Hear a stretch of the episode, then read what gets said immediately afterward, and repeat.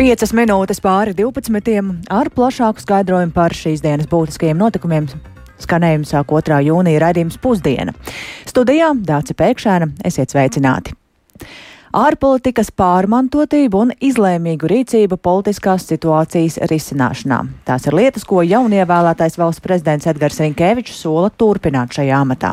Savukārt, ja līdz 8. jūlijam, kad Rinkēvičam jāstājas amatā, potenciāli notiks kādas izmaiņas koalīcijā, tad šajā procesā nepieciešamos lēmumus pieņems esošais valsts prezidents Egils Levits. To viņi abi pārunāja pirmajā tikšanās reizē kopš Rinkēviča ievēlēšanas par valsts prezidentu. Un Tikšanās beidzās pirms aptuveni pusstundas, un tik tikko no Rīgas pils ir atgriezies. Um, kolēģis Jānis Kīns, kurš šobrīd pievienojas studijā.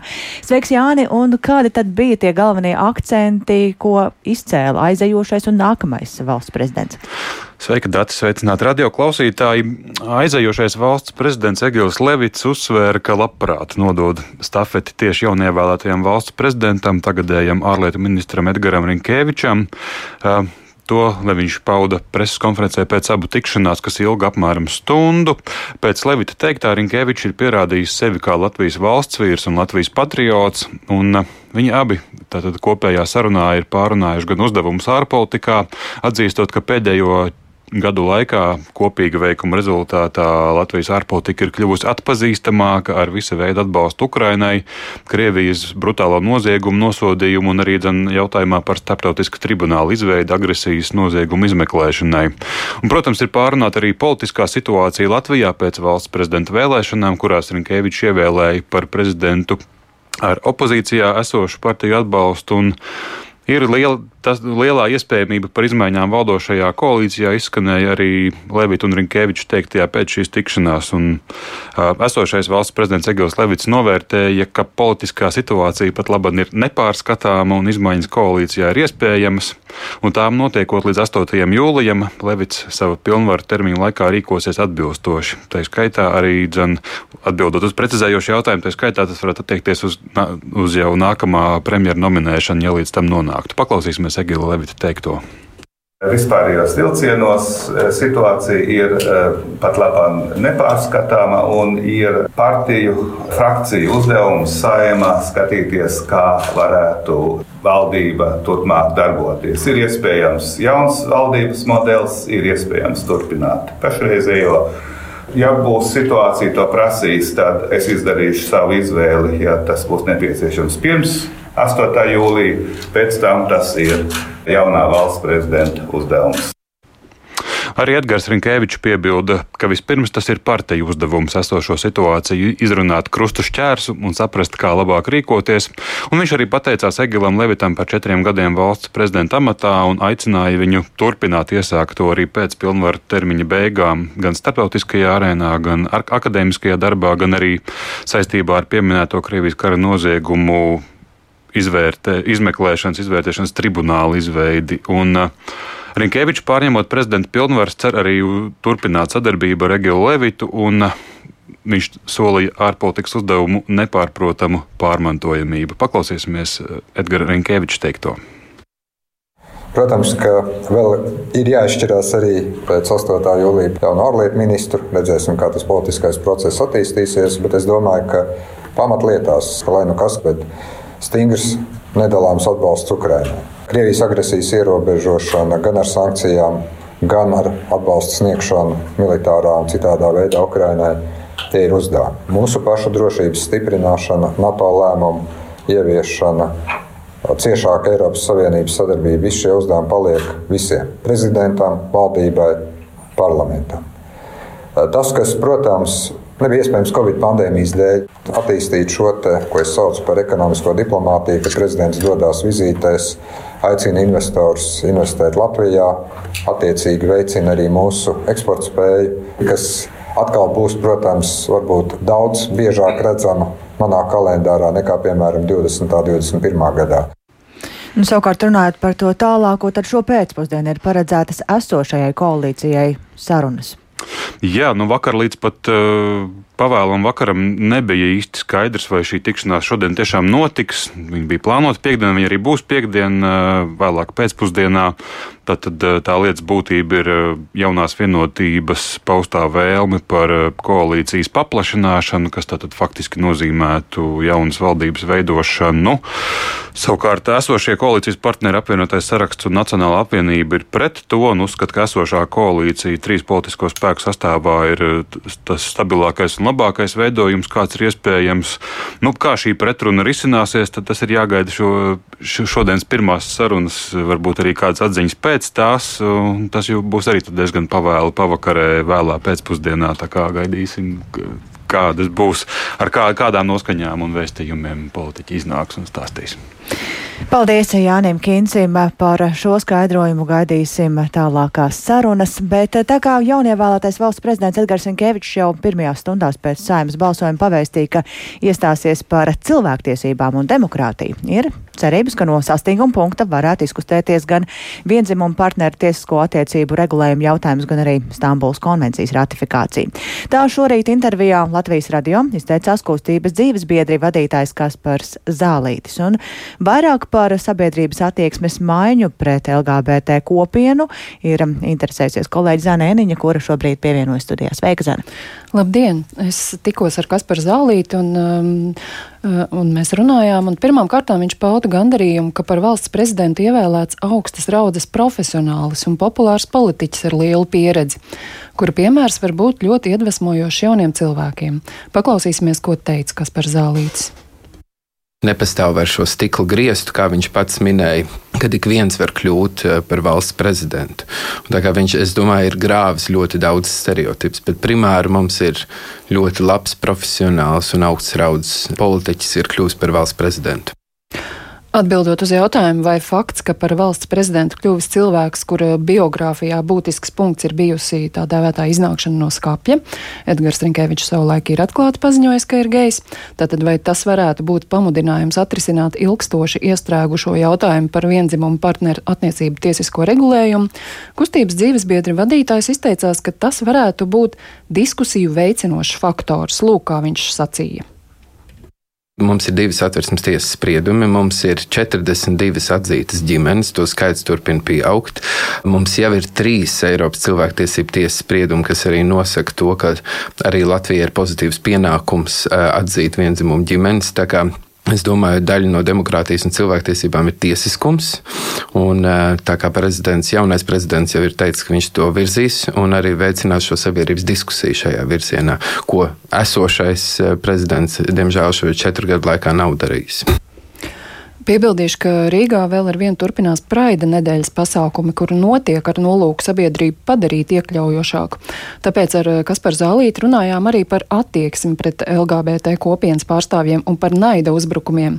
Viņš pastāstīja, ka katrs gadījums, kad kāds sabiedrībā pazīstams cilvēks atklāti stāsta, ka ir cietis šādos uzbrukumos, veicina izpratni un apzināšanos, ka šādi motivēta agresija nav attaisnojama.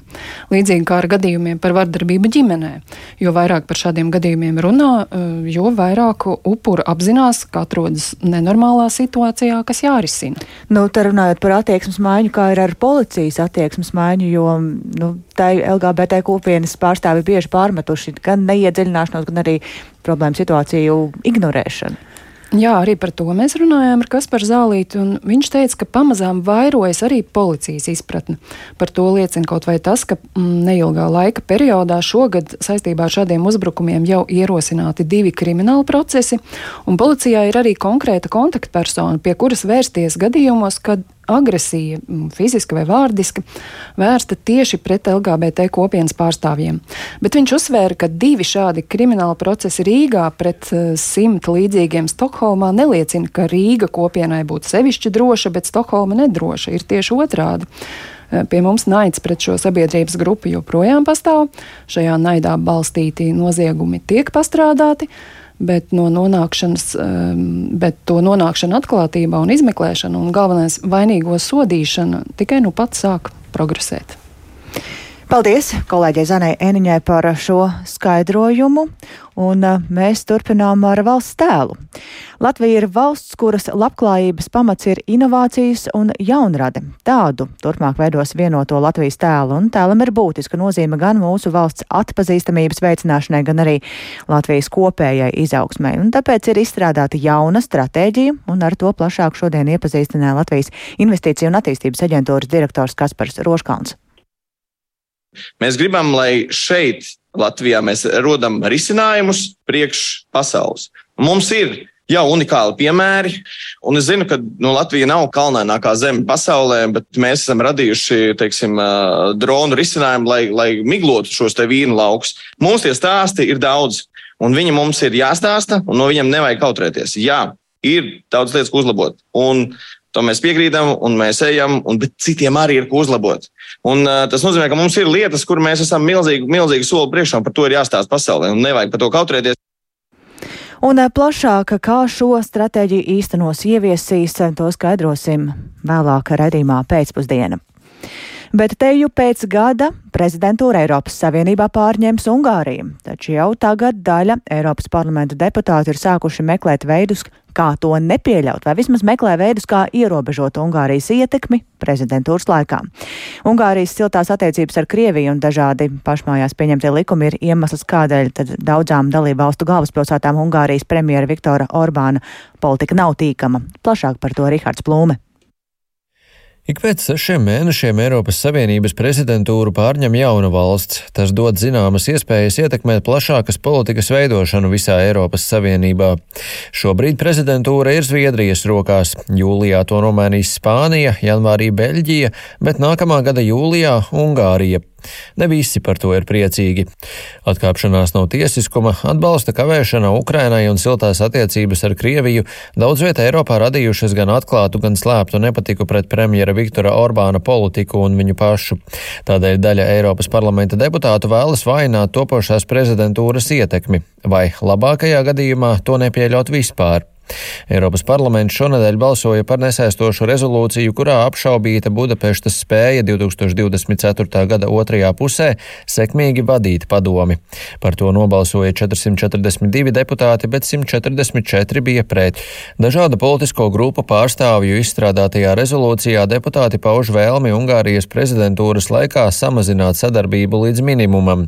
Rezolūcijā deputāti aicina padomi rast pareizu risinājumu šai problēmai, pretējā gadījumā gadījumā parlaments veikšot atbilstošus pasākumus. To, kādēļ Ungārijai nevajadzētu pildīt prezidējošās valsts pienākumus, skaidroja Francijas zaļo deputāte Gwendolīna Delbo Korfilda. Ungārijas valdība panāca jaunu likumu pieņemšanu, kas prasa pilsoņiem ziņot par aktivitātēm, kas nesaskan ar Ungārijas dzīvesveidu.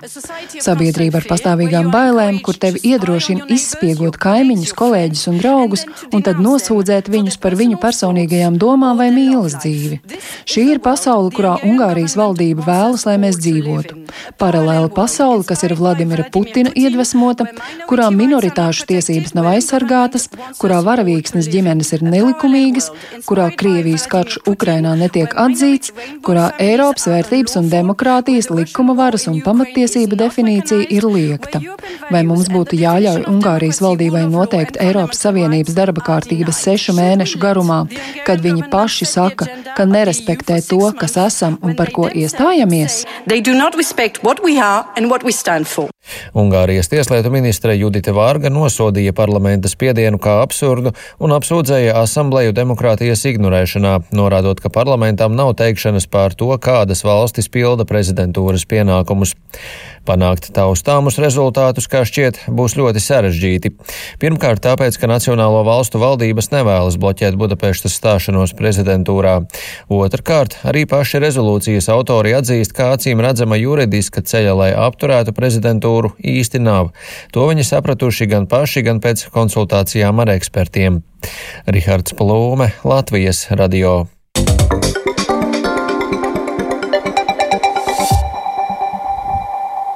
Latvijā pašvaldības iedzīvotājus iesaista lēmumu pieņemšanā lielākoties tikai tad, kad to prasa likums. Tik skarbi secinājumi ir valsts kontrolē pēc veiktās revīzijas par iedzīvotāju līdzdalību lēmumu pieņemšanā. Tas rada risku tam, ka iedzīvotāji jūtas atsvešināti un arī zaudē uzticību varai. Tā šorīt kolēģei Hartais Kujai atzina valsts kontroles padomas loceklis Edgars Korčāgins, norādot, ka iesaistot iedzīvotājus tiktu pieņemti atbilstošāki lēmumi tajās jomās, kur iedzīvotāju līdzdalību pieprasa likums, piemēram, izstrādājot lielos attīstības plānus, tur jā, tur pašvaldības veic aktivitātes, lai iedzīvotājus iesaistītu. Savukārt tas, kas noteikti ir pilnveidojams, ir tālāk attīstības plāniem sekojošo programmu, projektu, kaut kādu konkrētu saistošo noteikumu izstrāde. Tur nu gan iedzīvotāju iesaisti mēs redzējām, nenotiek ļoti mērķēti, un, un pašvaldības nedemonstrē vēlmi panākt aktīvu iedzīvotāju līdzdalību. Piemēram, mūsu apskatītajās 11 pašvaldībās gada laikā tika pieņemtas desmit dažādas programmas, stratēģijas tādās jomās kā izglītība, turisms, kultūra, proti, lietas, kas iedzīvotājiem ir svarīgas, bet tikai trīs šo dokumentu izstrādē vai apspriešanā bija iesaistīti iedzīvotāji. Tāpat arī, piemēram, pašvaldības pieņēma kopumā 538 saistošos noteikumus, taču iedzīvotāji iesaistīti bija tikai 38 no tiem. Un pašvaldības arī pieņēma vēl papildus 152 dažādus noteikumus, piemēram, par finansējumu piešķiršanu nevalstiskajām organizācijām, par projektu konkursiem sporta jomā. Taču šeit nevienā no šiem 152 lēmumiem iedzīvotāji netika iesaistīti ne pie to sagatavošanas, ne pie to novērtēšanas netika iesaistīti vai neiesaistījās? Daudziet pašvaldības, diemžēl, izmanto iedzīvotāju vidū nepopulārus kanālus. Piemēram, ievietojot informāciju kaut kur pašvaldības mājaslapā, pašvaldības mājaslapa nebūtu tas populārākais iedzīvotāju informācijas meklēšanas avots.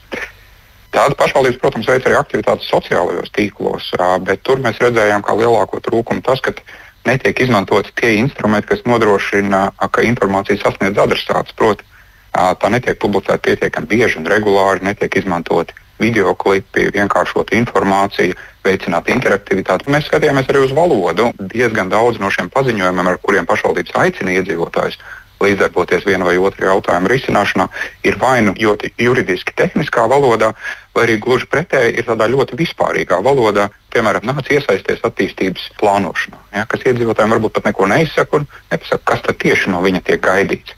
Kroniska kaita ir pēc tam, kad iedzīvotāji ir snieguši savus priekšlikumus, pašvaldības grēko ar atgriezeniskās saites sniegšanu par to, nu, kāds tad liktenis šiem viņu priekšlikumiem ir bijis. Revīzijas laikā mēs arī vērtējām, nu, kas notiek no tā, ka ja iedzīvotāji netiek iesaistīti, kādas tam ir sekas. Un šeit mēs kopīgi ar invalīdu viņu draugu apvienību Apērons vērtējām pašvaldību izbūvētos infrastruktūras objektus un cik lielā mērā tie ir bijuši pielāgoti personām ar invaliditāti, proti, iesaistot arī šo mērķa grupu konkrēto infrastruktūras objektu izbūvē.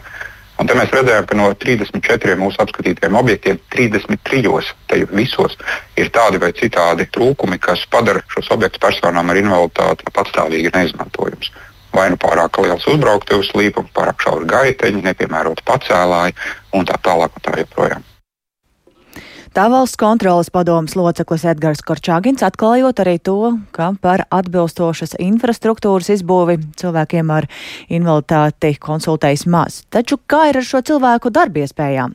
Šopēcpusdien Rīgā Pērmans dārzā notiks darba iespēju festivāls visiem, lai veicinātu cilvēku ar invaliditāti nodarbinātību. Un tāpēc šajā brīdī esam sazinājušies ar šīs idejas autori, pasākuma rīkotāju, sociālā uzņēmuma Ligaro vadītāju Lieni Reini Mitevu. Labdien! Labdien! Tīri praktiski, kā notiks šis pasākums, es saprotu, ka jums ir īpašs veids paredzēts eh, kā tādā inovatīvā un praktiskā veidā savest kopā darba devējus ar darbiniekiem. Jā, šodien no pusdienas trījiem vi, visi ir mīļi gaidīt Vērmans dārzā, kur uh, vairāki desmit Latvijas uzņēmumu praktiskā veidā piedāvās uh, meistarklases, kur katrs varēs izmēģināt roku, kā tas īsti ir strādāt kādā no piedāvātajām profesijām. Kādas jomas galvenokārt tiek pārstāvētas? Jomas mums ir visdažādākās, jo mēs vēlamies piedāvāt ļoti plašu programmu saviem apmeklētājiem. Mums ir gan, gan viesmīlības nozare, gan, gan dažādi mazumtirdzniecības veikalu tīkli, gan, protams, Protams, arī tehn tehniski darbi, meža darbi, dārzkopība, ļoti, ļoti dažāda ir, tā, ir tas piedāvājums. Tad tīri praktiski, kā tas notiks, cilvēks varēs iet un pamēģināt šo darbu. Jā, mums ir, mums ir Vērmans dārzā šodien uh, ir teltis. Uh, katrs uzņēmums nāk ar savu, to, ar savu praktisko nodarbību, kur katrs uh, apmeklētājs var iet klāt, uh, mēģināt, uh, izmēģināt roku, iesaistīties aktivitātēs, ko piedāvā uzņēmumi, un uzreiz arī un uzreiz arī sarunāt darba interviju, ja tas darbs patīk, ja, vai arī ja veidojas labs kontakts ar uzņēmumu. Tur uz vietas ir personāla, personāla vadības speciālisti, kas Nu, proti, arī proti, proti, proti dārzkopības jomā, nu, tad pats varbūt kaut ko var iestādīt, un, un, un ja iepatīk. Jā, jā, protams, uh, izmēģināt, kā ir uh, saplānot, uh, saplānot apstādījumus, iestādīt kādu, kādu stādu, izsist kasē čeku un tā tālāk. Un, ja tas padodas, tad tālāk jau runāt par darba iespējām. Kā ir, vai ir runa tikai par cilvēkiem ar invaliditāti vai vēl kādām grupām? Uh, nu, uh, festivāla nosaukums, nosaukumā jau ir iekodēta mūsu būtība, ka tas ir darba iespēju festivāls visiem. Uh, uz uh, festivālu mēs uh, aicinām ne tikai cilvēkus ar invaliditāti, uh, bet arī pārējos uh, cilvēkus, jo tā ir ļoti, ļoti laba izdevība neformālā, brīvā gaisotnē.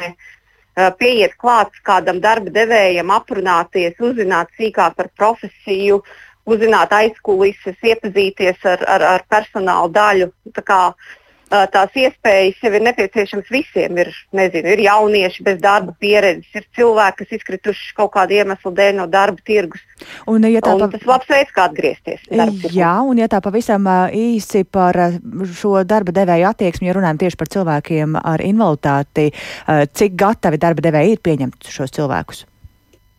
Uh, tā situācija ar katru gadu uzlabojās, un tas ir viens no mūsu no sociālā uzņēmuma virsmērķiem mainīt uzņēmumu domāšanu. Festivālā jau mēs arī redzēsim praktiskā veidā, ka uzņēmumi ir gatavi, ir gatavi uh, savu darbu vidi pielāgot un uzņemt darbā cilvēkus dažādas. Jā, paldies šī pasākuma rīkotājai, Ligaro vadītājai Lienai Reinai Mitevai. Tātad šodien Bērmanas dārzā pēc pulksten trījiem, bet mēs turpinām ar to, ka teju ikdienu ir saņemam arī kādas ziņas par jauniem apstiprinātiem putnu gripas gadījumiem, bet saistībā ar konstatēto putnu gripu pie raģu ūdenskrātuves Jēkapils pašvaldībā aicina iedzīvotājs ievērot drošības pasākumus, un tas ir nepeldēties, nezvejot, pieskatīt suņus, un Jēkapilī šobrīd atrodas arī mūsu korespondente Skirmanta Balčūta. Sveika, Skirmanta! Uh, labdien! Jā, es pašlaik atrodos pie Radžu ūdenskrātuves, jeb pie karjera, kā to vietēji iedzīvotāji sauc. Uh, jāsaka, ka šī ir viena no tādām iecienītākām vietējo iedzīvotāju atpūtas vietām, un pašlaik te ir diezgan patukšs. Tieši blakus man tagad atrodas arī uh, putns ķīvis, uh, tāds balts ar melnu galvu, un uh, it kā uh, pēc PVD datiem uh, tieši uh, šie uh, kāju sugas putni ir uh, visvairāk aplipuši ar putnu gripu.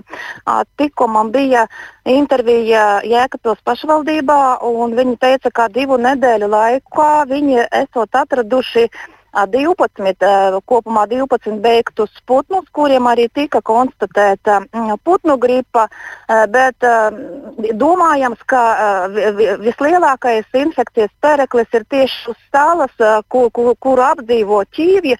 Viņu tur ir ļoti daudz. Un, ne, ne PVD darbinieki, ne pašvaldības pārstāvji, lieku reizi uz turiņa nebrauc, lai tos putnus nebiedētu un lai tie putni tā kā nelidotu un neizklīstu un tālāk um, nenestu to infekciju ārā.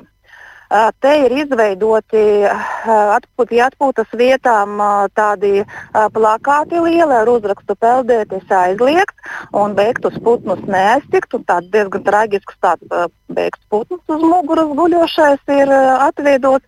Nu, tā diezgan biedējoši tas viss pašlaik izskatās. Bet es saprotu, ka principā parasti šī vieta ir iecienīta atpūtniekiem. Viņa ir ļoti populāra, jā, un te arī brauc cilvēki, kuri ir no ārzemēs aizbraukuši visi iet uz karjeru, te ir tāda satikšanās, te var laivas izīrēt. Laivas tagad izīrēt arī nedrīkst, nedrīkst nezvejot neko, re, kur vat tie Kīvija. Un tie Kīvija te jau arī viņas visi, es tikko gāju intervēju vīrietis ar mazu bērnu, viņi tā kā baro, ja tos Kīvis, es saku, nu, nu vai jūs nebaidoties, viņi saka, nu, mēs tā kā neskaramies viņiem klāt. Jā, Paldies. Paldies, Skirmanti, par to vairāk tad arī stāstīsim raidījumā pēcpusdienu. Šobrīd izskan raidījums pusdienu, ko veido Ilza Agīnta, Dāca Pēkšēna, Uldis Grīnbergs un Mārtiņš Paiglis. yeah.